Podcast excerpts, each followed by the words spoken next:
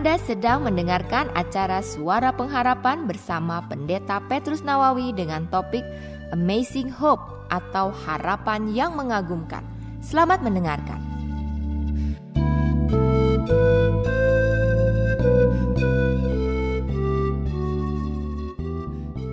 Saudara, hidup ini bukanlah suatu tujuan. Tetapi hidup ini merupakan suatu perjalanan.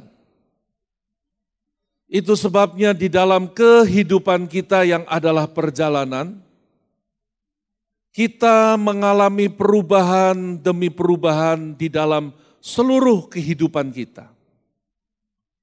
Tanda bahwa kita sedang berada di dalam perjalanan hidup bersama dengan Kristus yaitu adanya perubahan demi perubahan di dalam hidup kita. Sehingga dengan kata lain kita bisa katakan sebagai pengikut Kristus.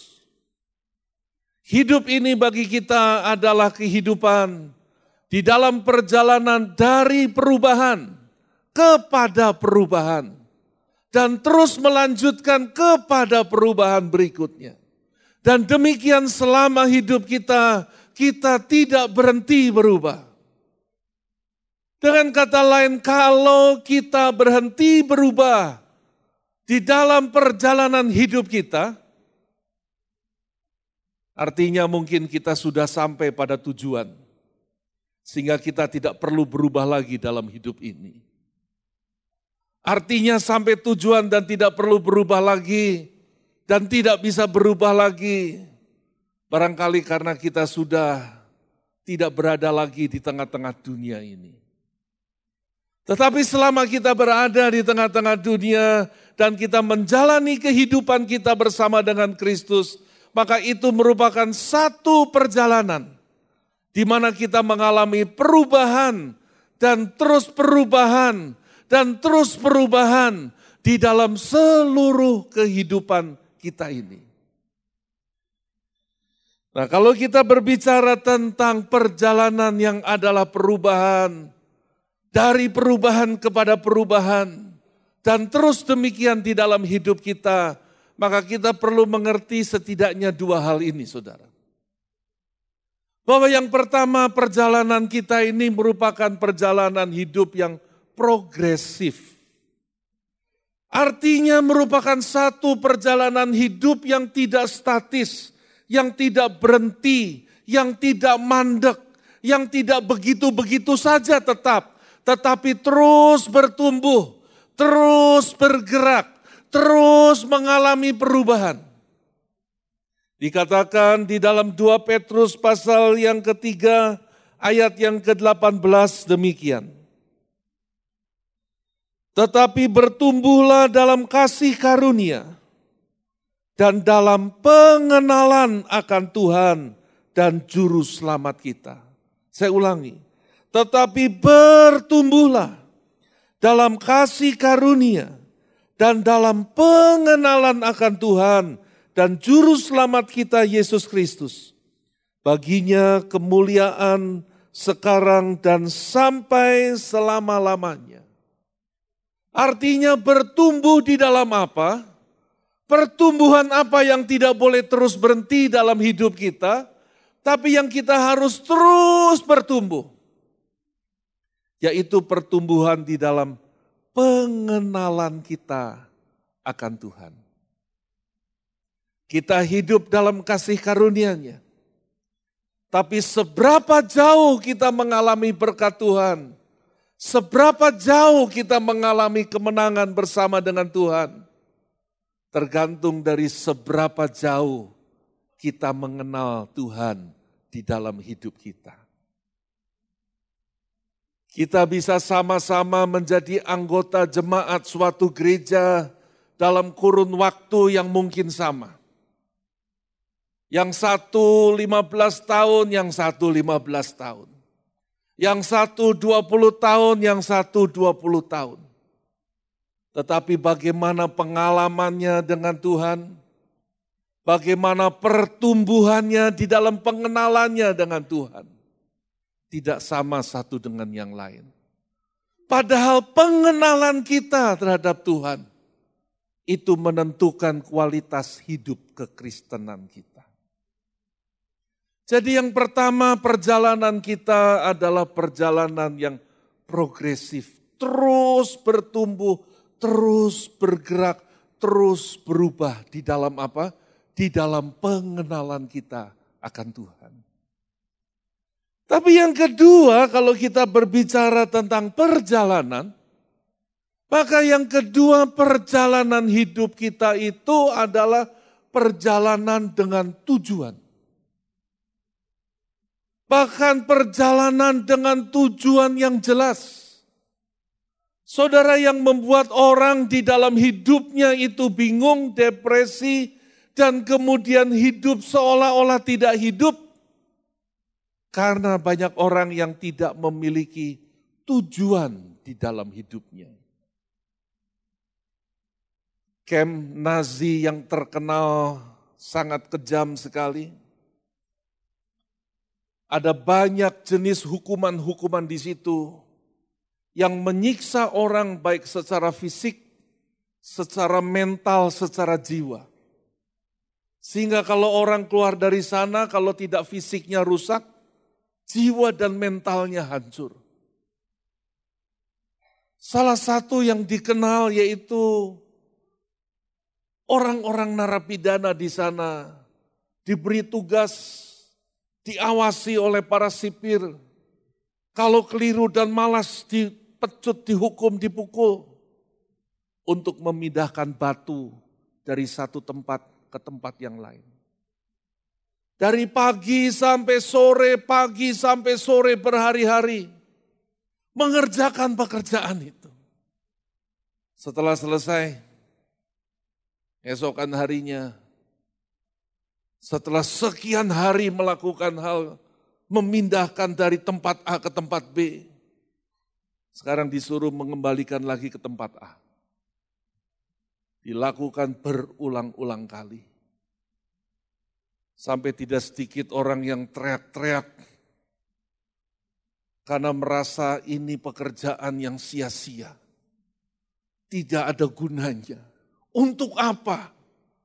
Kenapa mereka tertekan, kenapa mereka depresi, dan kenapa mental mereka rusak? Mereka tidak tahu tujuan. Buat apa? Banyak orang di dalam hidupnya tidak menemukan tujuan.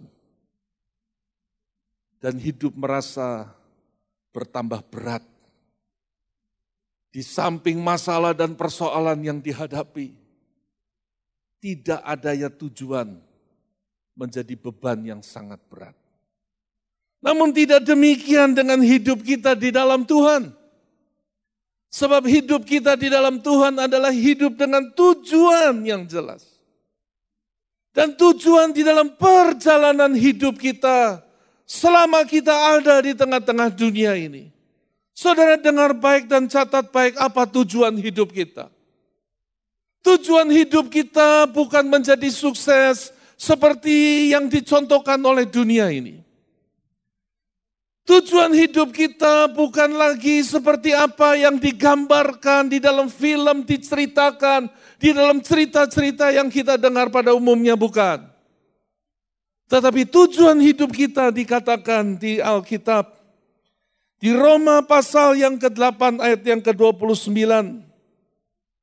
Dikatakan demikian, sebab semua orang yang dipilihnya dari semula, mereka juga ditentukannya dari semula untuk menjadi serupa dengan gambaran anaknya, supaya ia, anaknya itu, menjadi yang sulung di antara banyak saudara.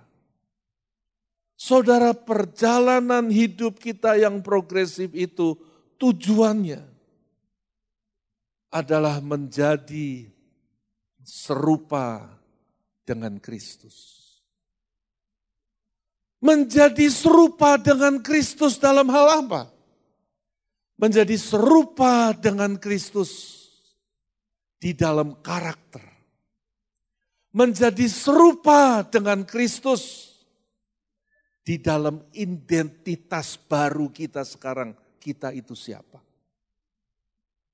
Banyak orang mengalami pergumulan di dalam perjalanan hidupnya.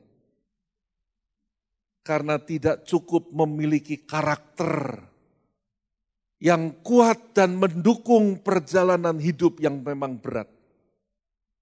Berapa banyak orang gagal dalam hidupnya karena karakternya tidak mampu mendukung. Pengenalan kita kepada Tuhan diwujudkan dalam hidup kita dengan perubahan karakter dari baik menjadi lebih baik, dari mulia ke mulia. Tidak pernah selesai kita belajar menjadi seperti Yesus selama hidup kita. Tapi bukan hanya itu saja, tapi juga perjalanan menjadi serupa dengan Kristus menyadari siapa identitas kita sesungguhnya. Banyak orang gagal di dalam perjalanan hidupnya, mengalami persoalan di dalam perjalanan hidupnya. Hidup terasa begitu berat di dalam perjalanan hidupnya. Karena tidak mengerti dan tidak menyadari identitas barunya di dalam Kristus identitas baru kita bukan lagi yang berdosa dan kalah. Identitas baru kita adalah yang dibenarkan dan hidup bersama dengan Tuhan. Saudara kita bertumbuh dalam pengenalan akan Tuhan. Membuat kita semakin sadar siapa kita di dalam Tuhan. Siapa kita di dalam Kristus? Ciptaan baru yang seperti apakah kita ini? Semakin kita berjalan mengenalnya, semakin karakter kita diubahkan, dan semakin kita mengenal siapa kita di dalam Kristus. Itu sebabnya perjalanan tersebut perjalanan di dalam perubahan kepada perubahan. Di dalam pengenalan kita kepada Kristus. Untuk menjadi serupa dengan gambarannya. Di dalam karakter kita. Di dalam identitas baru kita. Saudara ada faktor penting dalam hidup kita yang membuat itu semua bisa terjadi dalam hidup kita. Dan faktor penting itu adalah namanya firman Tuhan. Firman Tuhan itulah yang diberikan kepada kita. Supaya kita bertumbuh di dalam pengenalan. Supaya kita berubah dari baik menjadi lebih baik. Dari perubahan kepada perubahan. Terus berjalan menjadi serupa seperti Yesus. Di dalam karakter bertumbuh di dalam pengenalan terhadap Tuhan, mengenali identitas yang baru terus bertumbuh. Diperlukan firman Tuhan. Dan firman Tuhan yang menjadi faktor penting di dalam merubah kehidupan kita. Menjadi pengubah kehidupan kita. Antara lain di dalam Alkitab digambarkan Yang pertama sebagai api dan yang kedua itu sebagai air. Dikatakan di Yeremia pasal yang ke-23 ayat 29. Bukankah firmanku seperti api? Demikianlah firman Tuhan. Dan seperti palu yang menghancurkan bukit batu. Saudara firman Tuhan yang berperan mengubah hidup kita itu. Alkitab mengatakan itu bagaikan api. Api itu memberikan terang. Tapi api juga memberikan kehangatan. Tapi api juga mematangkan dan memurnikan. Kalau ibu-ibu membuat kue, semua adonan dicampur jadi satu, diaduk jadi satu. Sebelum kena api, belum selesai. untuk menyelesaikan itu, menuntaskan, dan menjadikan itu makanan yang lezat, perlu api. Api memberikan terang, api memberikan kehangatan, tapi api juga menuntaskan, menyelesaikan, mematangkan, dan lebih dari itu semua, api itu memurnikan saudara. Logam mulia emas. Kalau emas itu mau dimurnikan, dulu waktu saya SMP saya tinggal sama om saya. Om saya itu punya toko emas, pedagang emas. Sehingga sering saya diminta membantu om saya. Kalau pulang sekolah, sore-sore saya diminta membantunya untuk melebur emas. Berbagai macam perhiasan, ada anting, ada gelang, macam-macam. Dengan juga kadar karat yang berbeda-beda dilebur, dimurnikan, dibuang semua yang bukan unsur emasnya. Dengan cara bagaimana dibakar dengan api. Dibakar sampai meleleh sudah cukup? Belum, belum cukup. Terus dibakar.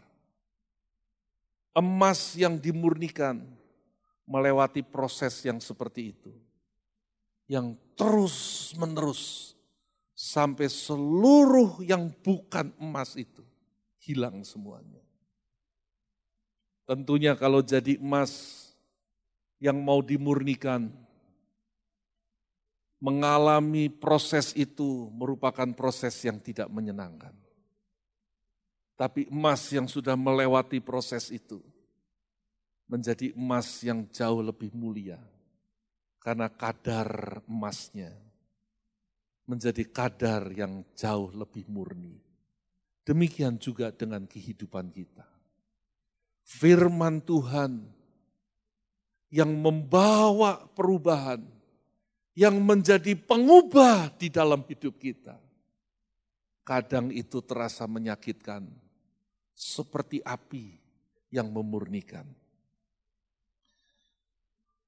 Ayub pasal 23 ayat yang ke-10 berkata demikian. Karena ia tahu jalan hidupku, seandainya ia menguji aku, aku akan timbul seperti emas, kata Ayub. Melalui semua peristiwa yang menyakitkan, Ayub menyadari Tuhan tahu jalan hidupku. Kalau Tuhan izinkan semua ini terjadi, aku sedang dimurnikan dan timbul seperti emas. Yang kedua, saudara, firman Tuhan yang menjadi pengubah hidup kita, yang terus-menerus menjadikan kita semakin serupa dengan Kristus di dalam karakter hidup kita di dalam mengenal siapa kita sebagai ciptaan yang baru di dalam Dia. Ibarat seperti air. Air itu membersihkan, tapi air itu juga menyegarkan. Dan air itu memberikan kehidupan, saudara. Tubuh manusia katanya 80 persennya terdiri dari air. Itu sebabnya manusia tidak bisa hidup tanpa air. Tanpa makanan bisa bertahan berhari-hari. Tuhan Yesus bisa 40 hari. Tapi kalau tanpa air tidak bisa bertahan lama. Kita tidak bisa hidup tanpa air. Demikian juga dengan firman Tuhan di dalam hidup ini. Dikatakan di Efesus pasal yang kelima ayat yang ke-25-26. Hai suami kasihlah istrimu sebagaimana Kristus telah mengasihi jemaat dan telah menyerahkan dirinya baginya untuk menguduskannya. Sesudah ia menyucikannya dan memandikannya dengan air dan firman. Lalu Yesaya pasal 55 ayat 10 dan 11 dikatakan begini. Sebab seperti hujan dan salju turun dari langit dan tidak kembali ke situ, melainkan mengairi bumi, membuatnya subur dan menumbuhkan tumbuh-tumbuhan, memberikan benih kepada penabur dan roti kepada orang yang mau makan. Demikianlah firmanku yang keluar dari mulutku. Ia tidak akan kembali kepadaku dengan sia-sia tetapi ia akan melaksanakan apa yang ku kehendaki dan akan berhasil dalam apa yang ku suruhkan kepadanya. Memberikan kesegaran, membersihkan, menyuci menjadi bersih, tapi juga memberikan kehidupan. Sehingga kala firman Tuhan itu bekerja di dalam hidup kita untuk mengubah hidup kita Kadang ia datang seperti api yang menemplak, membuat kita merasa sakit. Tapi kadang ia datang begitu menyegarkan. Ia datang begitu membuat semua berubah menjadi segar, pulih kembali, hidup kembali. Karena dia datang seperti air yang memurnikan, yang membersihkan semuanya. Nah saudara, firman Tuhan yang bagaikan api, firman Tuhan yang bagaikan air itu. Dikatakan lebih lanjut di 2 Timotius pasal yang ketiga, ayat yang ke-15 dan ayat yang ke-17. Inilah faktor pengubah hidup kita yang luar biasa. Hanya pertanyaannya kenapa sering kali Kalaupun orang tahu firman Tuhan, orang kenal firman Tuhan, bahkan orang hafal firman Tuhan, tapi kenapa sering kali firman itu seolah tidak mengubah kehidupan. Sehingga kalau diurut dengan usia dan lamanya mengikut Tuhan, mengenal firman, harusnya perubahannya sudah begitu luar biasa. Tapi banyak kali banyak orang yang bukan di sini, saudara jangan salah mengerti. Di sini enggak ada. Di sana sini banyak. Yang tidak berubah seiring dengan apa yang diketahuinya. Seiring dengan apa yang sudah dikenalnya. 2 Timotius pasal yang ketiga ayat 15 sampai 17 ini mengajar kita dan memberitahu kepada kita Dikatakan demikian. Ingatlah juga bahwa dari kecil engkau sudah mengenal kitab suci yang dapat memberi hikmat kepadamu dan menuntun engkau kepada keselamatan oleh iman kepada Kristus Yesus. Segala tulisan yang diilhamkan Allah memang bermanfaat untuk pertama mengajar, Kedua, untuk menyatakan kesalahan. Ketiga, untuk memperbaiki kelakuan. Dan keempat, untuk mendidik orang dalam kebenaran. Dengan demikian, tiap-tiap manusia Allah diperlengkapi untuk setiap perbuatan baik. Saudara, untuk setiap perbuatan baik yang Tuhan inginkan dalam hidup kita, untuk setiap perubahan yang Tuhan inginkan terjadi dalam hidup kita, Tuhan memberikan firman-Nya. Firman yang mana? Dikatakan firman yang hidup ini. Firman yang bermanfaat. Apa manfaatnya? Dikatakan manfaatnya yang pertama mengajar. Yang kedua dikatakan menyatakan kesalahan. Yang ketiga dikatakan memperbaiki kelakuan. Dan yang keempat mendidik orang dalam kebenaran.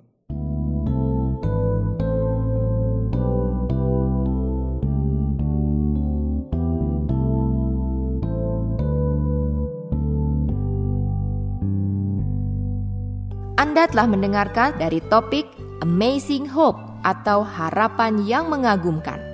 Pekan yang akan datang, Pendeta Petrus Nawawi akan melanjutkan topik tersebut pada hari, jam, dan gelombang radio yang sama. Pastikan Anda mengikutinya. Sampai jumpa pada pekan yang akan datang. Tuhan memberkati.